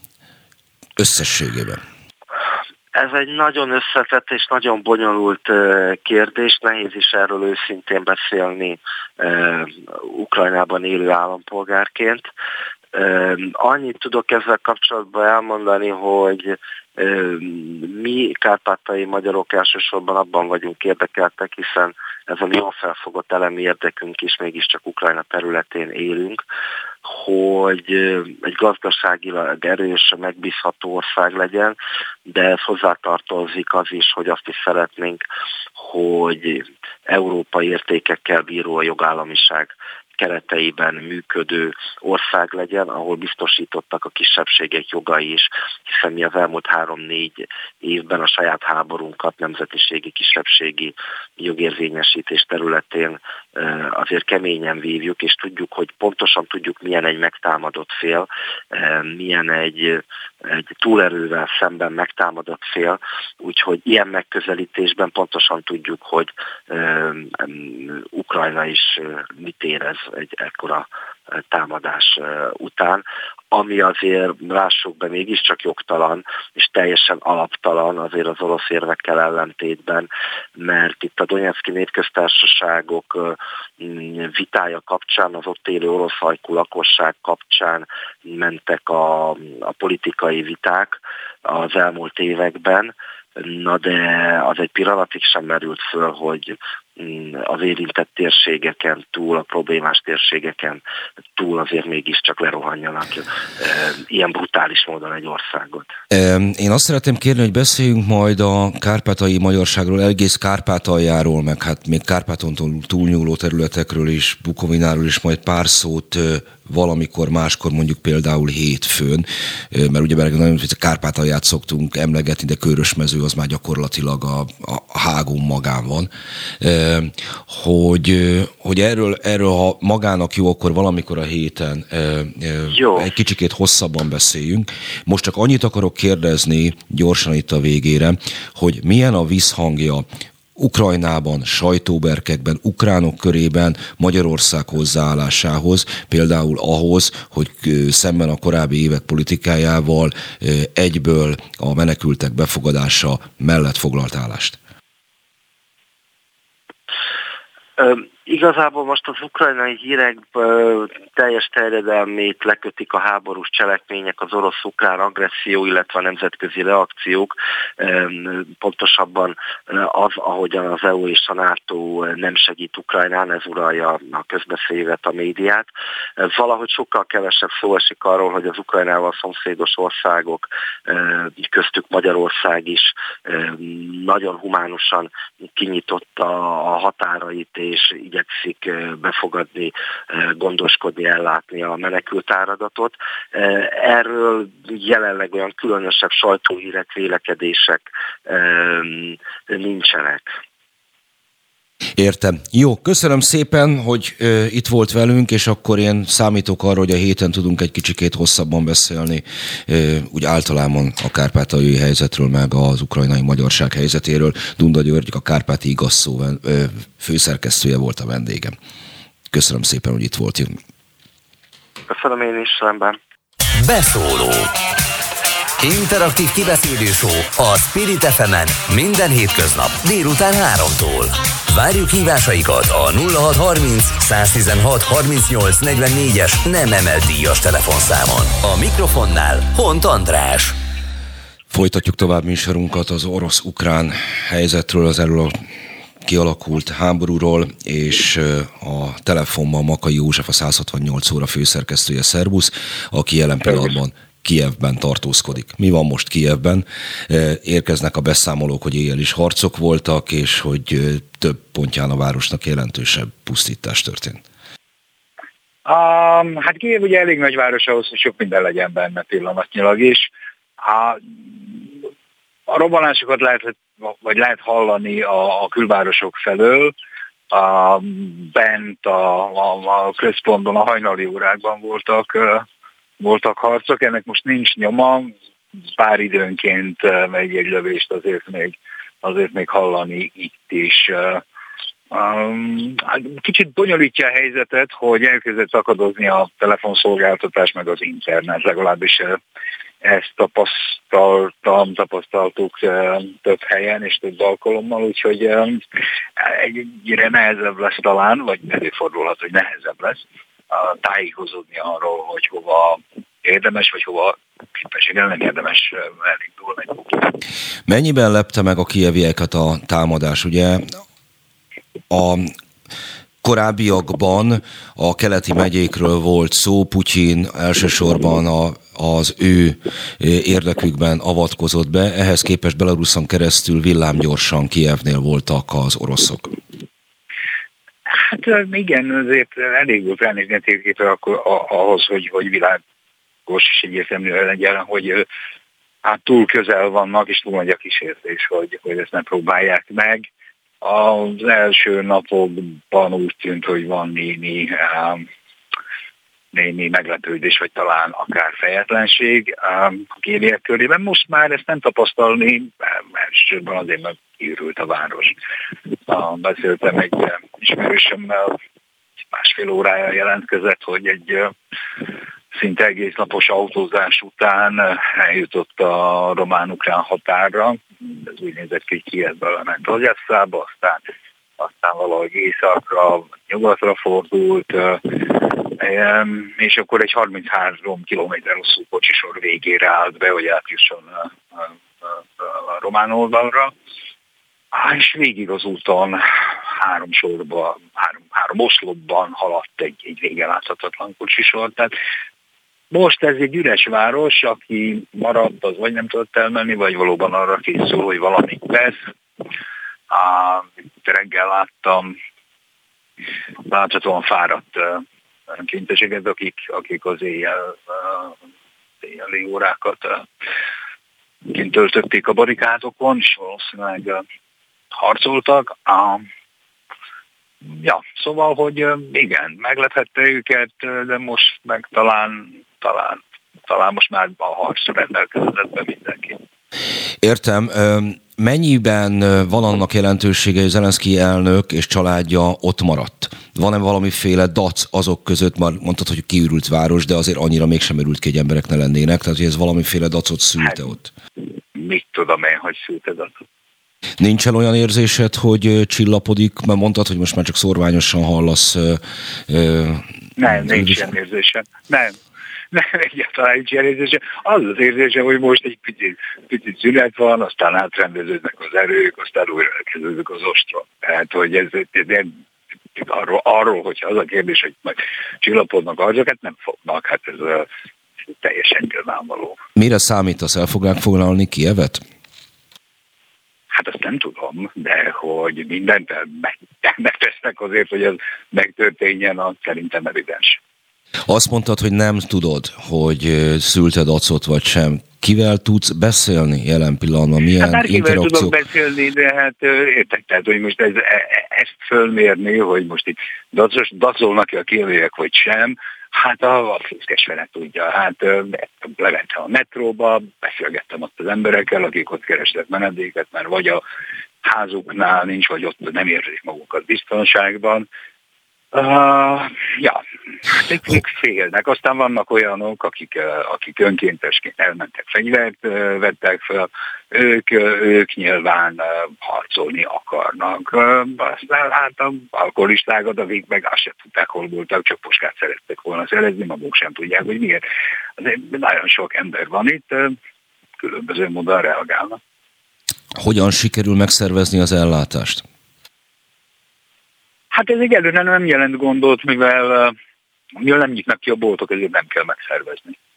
Oké, okay, de gondolom valamit enni holnap is akarsz majd, vagy ha, ha holnapra még meg is hát van, akkor az volt, az volt, hát tehát, hogy uh, tegnap előtt találtam egy ilyen produkti nevű ilyen napoliszerűséget, ott uh, készítettük egy részét fölvásároltam, aztán tegnap egy, egy másik boltot találtam, ott uh, még néhány napi kaját vettem, meg vizet, úgyhogy most ez így van. Um, hát aztán nem tehát, hogy a, és az a volt, amikor nyitva volt, akkor ott volt a, a mangótól az ananászon át a kókusznél, minden, tehát ez, de azóta, azóta persze zárva van. Um, nem, nem egyszerű ez a része a dolognak nyilván. Te nem aggódsz egyébként, hogy ott rekedsz? Hát én itt rekedtem. Jó. József, én ezt pontosan tudom, hogy aktuálisan oda vagy rekedve, de hogy, a, hogy, hogy ez hosszabb kirándulás lesz, mint amit terveztél. Hát ez, én nem, nem úgy indultam, hogy, hogy, hogy, hogy azt mondtam, hogy van itt egy dátum, hogy mettől mentig tart a dolog. Tehát, hogy ez a része azért nem, nem lepett meg, vagy benne volt a lehetőségek között, hogy ez így elhúzódik, vagy tovább tart. Most nem, nem, nem tudom ezt innen mondani neked, hogy, hogy, hogy mikor és meddig. Nyilvánvaló, hogy a városból egyre nehezebb kijutni, ha egyáltalán lehetséges. Tegnap még délfelé lehetett menni, aztán hogyha ha igazak azok a, a hírek, hogy a, hogy a déli elővárosokban is harcok voltak, akkor valószínűleg megpróbálják azt az útvonalat is elvágni, akkor pár napig nyilván nem engednek ki senkit az oroszok, utána meg majd megnyitják, mert hát azért ez szokott lenni a ilyen konfliktusok dinamikája, egy előbb egy kicsit kinyitják, aztán ki lehet menni, vagy így, vagy úgy, nem tudom még. Milyen a hozzáállás a külföldi tudósítókhoz? Mit érzékelsz? Készségesek a...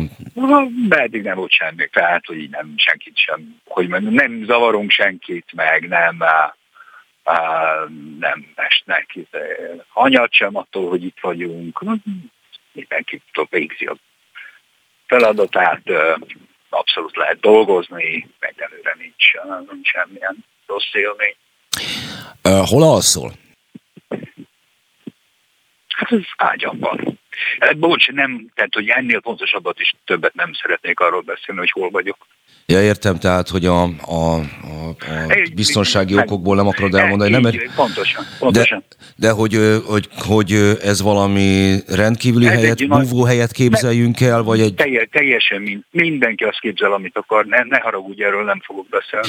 Még egy kérdésem van, mint régi narancsos újságíróként. Téged meglepett úgy alapvetően, hogy idáig fajultak ezek a helyzetek, hogy gyakorlatilag ilyen szovjet haditudósítóként mehetsz vissza? Nem, nem, nem, hát meg azért vagyok itt. Értem. Jó, köszönöm szépen, hát kitartást akkor neked Kievben, Remély, reméljük, hogy azért hamarabb véget fog érni ez a kaland, és folytatjuk tovább már is a műsorunkat. Okay. Helbus, szervusz! És ha Kievből volt az előző telefon, akkor most Moszkvából lesz a következő.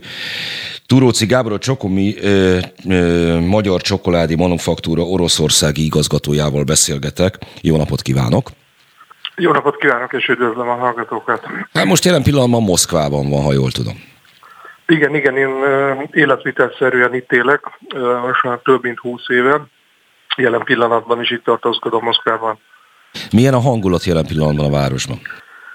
Hát azt mondanám el, hogy nyugalom van, tehát az alapvető dolog az az, hogy teljesen nyugodt a város, éli az életét, tehát minden nyitva van, az éttermek, többek között ukrán étterem is nyitva van, illetve az emberek teszik a dolgukat, működnek. Annyi van, annyi probléma van, hogy ilyen technikai jellegű problémák kezdtek el jelentkezni. Többek között például a cégünknél, mert nem tudtunk utalni. Tehát olyan bank van szankció alatt, amiben pont benne vagyunk, és nem tudtunk utalni például tegnap. Tehát új bankot kell keresnünk. De ugyanez jelentkezhet például a magánszemélyeknél is, hogy például ez a kártya az Apple Pay-jel nem kompatibilis, és akkor a boltba szólnak neki, hogy hát elnézést, de nem jó a kártyádnál. Tehát ilyen technikai jellegű dolgok, vagy például most bekorlátozták a Facebookot, tehát gyakorlatilag a felét nem látjuk a, Facebooknak, az Instagramnak, ugye, ami ehhez a cégcsoporthoz tartozik. Cserébe azért, mert a Facebook meg be nem is tudom, megtiltott négy vagy öt ilyen orosz médiumot a saját felületein reklámozni. Tehát amondó vagyok, hogy az életet semmi nem befolyásolja, tehát minden megy ugyanúgy tovább, de a technikai problémák azok elkezdtek jelentkezni. Tehát gyakorlatilag e- ennyit tudok hirtelen elmondani. Említett, hogy életvitelszerűen ér Moszkvában, gondolom, szoros kapcsolatok alakultak ki, üzleti partnerek, baráti társaságokkal. Ott most milyen a vélekedés? Mit remélnek, mitől tartanak? Beszélgetések során mi az, ami benyomás keletkezik? Hát igen, ez is egy érdekes kérdés. Én jelen pillanatban egy szállodában élek, ahol dolgoznak ukránok, és ugyanúgy jönnek, mennek, dolgoznak, nevetnek. Tehát a barátaim között is igazából, hogy mondjam, megnézik, hűmögnek, mennek tovább. Tehát jobban érdekli. Ez egy nagyon fontos dolog nyilvánvalóan, de de jobban érdekli őket a, saját életvitelük. Tehát szerintem az lesz a nagyobb baj, hogyha majd elkezdik megtiltani azt, hogy például elutazzanak, a, elutazzanak az Európai Unióba, vagy Amerikába, vagy, vagy bárhova máshova a világban. Tehát az már egy olyan dolog lesz, de az, hogy közhangulat, tehát itt, itt nincsen olyan, hogy, hogy agresszió, vagy erőszak, vagy nem tudom. Tehát látják, igen, ö, tudomásul veszik, de én, én nem tapasztalom Attól nem félnek, hogy Oroszország ez, elszigetelt lesz, hiszen nem csupán az orosz felső ö, rétegek, nem csupán a felső középosztály, de hát az orosz középosztály adott esetben az alsó középosztály tömegei utaztak az elmúlt két-három ja, évtizedben hát mindenfele. Nincs, nincsen attól bármiféle tartás, hogy ez, ez, ez nem fog így folytatódni az elkövetkező időszakban?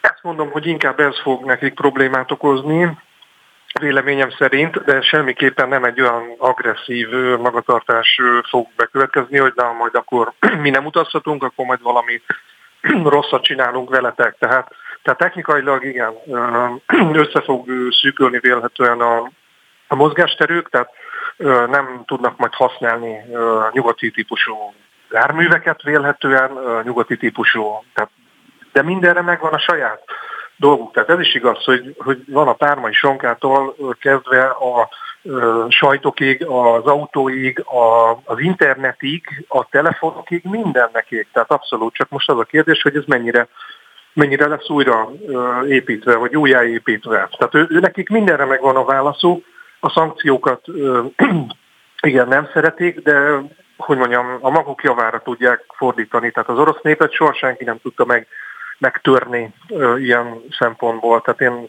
ezt gondolom. Ma, meséljen arról már két szót, hogy a megelőző két szürreális év milyen volt Moszkvában, a koronavírus járványt és a járványkezelést hogyan vészelték át a helyiek. Sokszor lehetett arról híreket olvasni, hogy sok esetben jóval lazább szabályok voltak, mint mondjuk Európa szerte. Hát pont, pont itt voltam, beragadtam egy kilenc hónapra, amikor ez az egész elindult, és nem voltak ugye repülőjáratok, nem volt semmilyen válasz arra, hogy én egyáltalán ki tudok-e menni, vagy be tudok-e jönni. Aztán amikor kimentem, akkor nem tudtam bejönni. Tehát én egyébként ennek az ellenkezőjét mondanám, amit most ön állított. Tehát én azt mondanám, hogy nagyon jó kezelték az oroszok a, a helyzetet. Tehát például rögtön lezárták a Kínával való teljes határszakaszukat. Aztán utána rögtön jött az izoláció, tehát hogy mindenkit beizoláltak, mindenkit két és fél hónapra beültettek karantén. Nem lehetett lemenni a boltba, tehát miközben én ezt sínlettem itt meg, odahaza Magyarországon teljesen szabad volt az élet, és, és így tovább. Na most a, egy dolgot azért elmondanék a, a lazaságról. Igen, ez is benne volt a pakliban, mert ugye mindenki kiszabadult a karanténból, és elege volt a korlátozásokból, és ott egy picit igen volt, ezt, ezt én is tapasztaltam.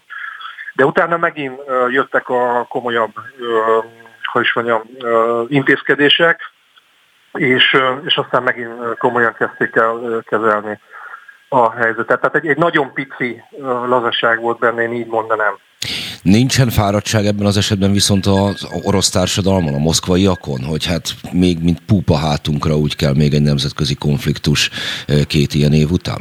Nem érez ilyesmit? Nem, nem összeköthető a két dolog. Az biztos, hogy az embereket megviselte igen ez a karantén, meg, meg az, hogy nem tud ide utazni, meg oda utazni. Nyilván nem kell, meg, meg hát őszintén szóval egy, egy háború az, az nincs olyan ember a világon, aki azt mondaná, hogy ez egy jó dolog. Tehát ez, ez senkinek nem kell, ez a legrosszabb dolog a világon, ami létezik, én is mélységesen elítélem.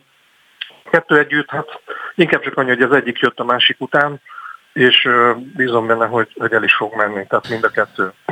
Ne, reménykedjünk abban, hogy ezt oroszra nem fogják lefordítani, tehát próbáljunk meg, mintha négy, négy fül között lennénk. Putyinnak a népszerűségé ez miként befolyásolja? Eleve mit érez az elnök támogatottságát val kapcsolatban én saját köreiben? vagyok, hogy én azt a közéleménykutatást tudom mondani, ami azt mondja, hogy mintegy 80%-os biztosítása volt a Putyinnak az elmúlt, nem, tehát a, az ukrajnai beavatkozás előtt. Az, hogy utána ez hogyan változott meg, azt, azt nem tudom. Tehát most per pillanat nincsenek ilyen kutatások, tehát nincsenek ilyen ö, adatok. Én azt látom, illetve nem, nem azt látom, hanem azt gondolom, hogy, ö, hogy szerintem egy picit eshet vissza emiatt. Mert nyilván ugye vannak tüntetések, ezt láthatjuk, de ez, ez nagyon kevés ember, aki kimegy tüntetni, kifejezi így módon a, a véleményét, tehát nagyon-nagyon ellenyésző számú. Tehát én azt gondolom, hogy jelentősen nem fogja visszavenni a, a dolgot, tehát a, a pozitívumot, mert azt hozzá kell tenni, hogy az oroszok nagyon-nagyon összetartóak. Tehát itt az orosz fél elmondása alapján itt ugye a genocidium történt, hogy ukrán nacionalisták elkezdtek lőni oroszokat, és az oroszokat az oroszok megvédik. Tehát lehet, hogy, hogy ezzel nem fog csökkenni. Valamennyire fog véleményem szerint, de, de nagyon nem. És mennyiben látja egyébként a közönkutatásokat tekintve nem csupán Magyarországot, de az Egyesült Államokat illetően is erős szkepszist őrzök magamban. Azt gondolom, hogy ez Oroszországra még inkább igaz a saját környezetében, a beszélgető partnerei között. Mennyiben látja ezt a 80%-os támogatást megjelenni?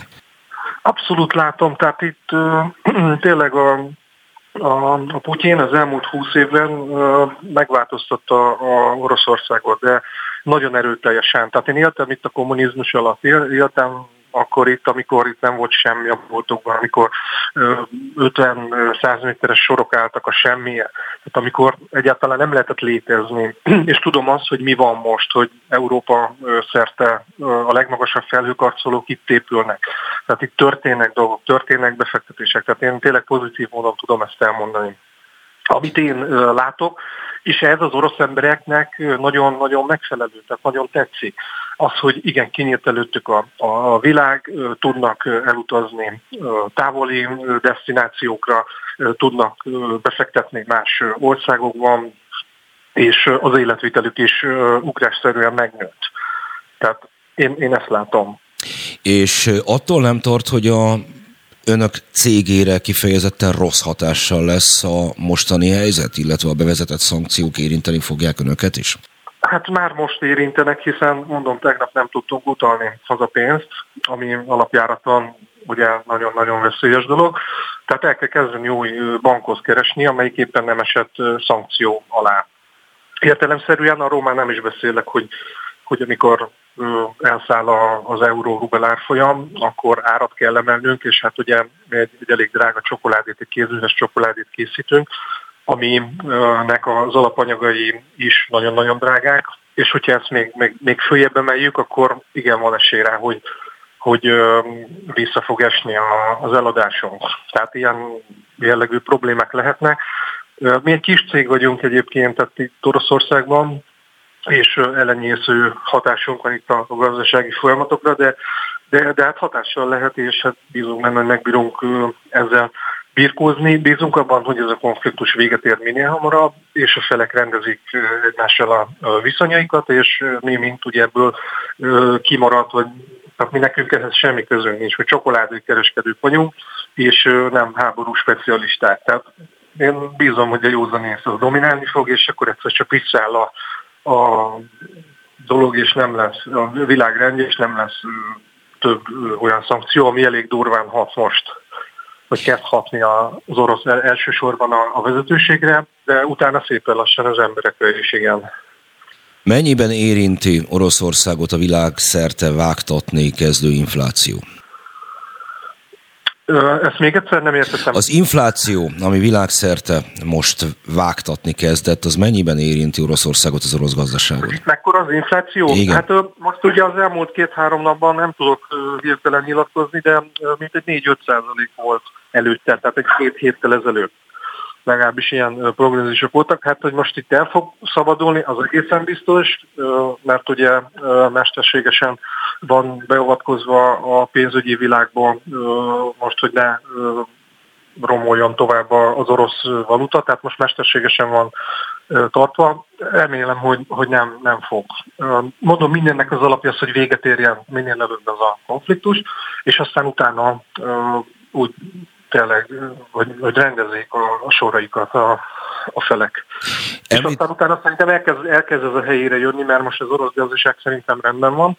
Tehát az elmúlt egy évben egy-két évben eléggé magas volt az olajára, és ebből ugye ők profitálnak, tehát az első számú termékük az olaj, meg a gáz, és hát ebből elég sok pénzt felhalmoztak. Remélem, hogy, hogy ez sokáig ki fog tartani, még egy dolgot mondjon el, azt mondja, hogy életvitelszerűen Moszkvában él, de hát már jó régóta gondolom az orosz vidéken is kereskednek, vagy ha máshogy nem, akkor magánemberként eh, jár arra fele. Így van, így van. Milyen? Van-e szembeötlő, van-e szembeötlő különbség Moszkva, Szentpétervár, eh, még néhány vagyváros és az orosz vidék között? Hogyan kell ezt elképzelnünk jelenleg? Hát én, én úgy vagyok vele, hogy én ezt sokan mondják, hogy így van. Szerintem nincs így. Tehát nem látok akkora különbséget. Tehát én körülbelül 70 városban, talán 80 városban is jártam a Oroszországban, de úgy, hogy a vége az Kamcsatkán volt. Tehát gyakorlatilag az egész országban elég sok, sok helyen jártam, a kisfalutól a nagyvárosig, és annyi, annyi igazság van benne, hogy Moszkva az egy város a városállammal. Tehát városállama külön, különálló entitás. Tehát ez itt a legnagyobb, ez mint egy 15 millió lakosabb, ez kiemelkedik. Itt talán egy picit drágább, de jelzem egy picit, tehát nincsenek nagy különbségek, hogyha bemegy az ember egy másik kisebb településre, vagy, vagy akár faluba, tehát ugyanazokkal az eszközökkel találkozik a boltban, ugyanazok az árak lesznek.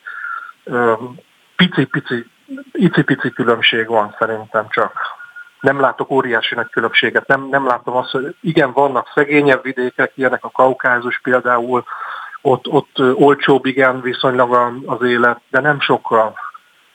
Értem, nagyon szépen köszönöm, hogy itt volt velünk. Hát mi is reméljük azt, hogy ez a konfliktus nem fog elhúzódni, és mindenkinek a lehető legjobb lesz az elkövetkezendő időszakban. Bár azt hiszem, hogy kellően sok jelenség van, ami ennek az ellenkező irányába is mutat. Mindenesetre köszönöm szépen, hogy elmondta a tapasztalatait. Mi foglalkozni fogunk természetesen továbbra is az orosz-ukrán helyzettel, illetve mindazzal, amit mind a világra, mind Magyarországra ebből hárul. Még egyszer köszönöm Túróci Gábornak, a Csokomi Magyar Csokoládi Manufaktúra Oroszország igazgatójának, hogy rendelkezésünkre állt viszont. Köszönöm. És ez meg a beszóló volt, hétfőn majd jövünk újra. holnap már nem lesz külön kiadás egyenlőre, vagy legalábbis reméljük, hogy nem lesz olyan helyzet, amely külön kiadást ö, ö, ö, indukálna, de mindeközben itt mutatja a kedves kollégám, hogy lesz olyan helyzet, illetve lesz külön kiadás holnap is, de akkor ez nem velem lesz, én hétfőn minden esetre leszek.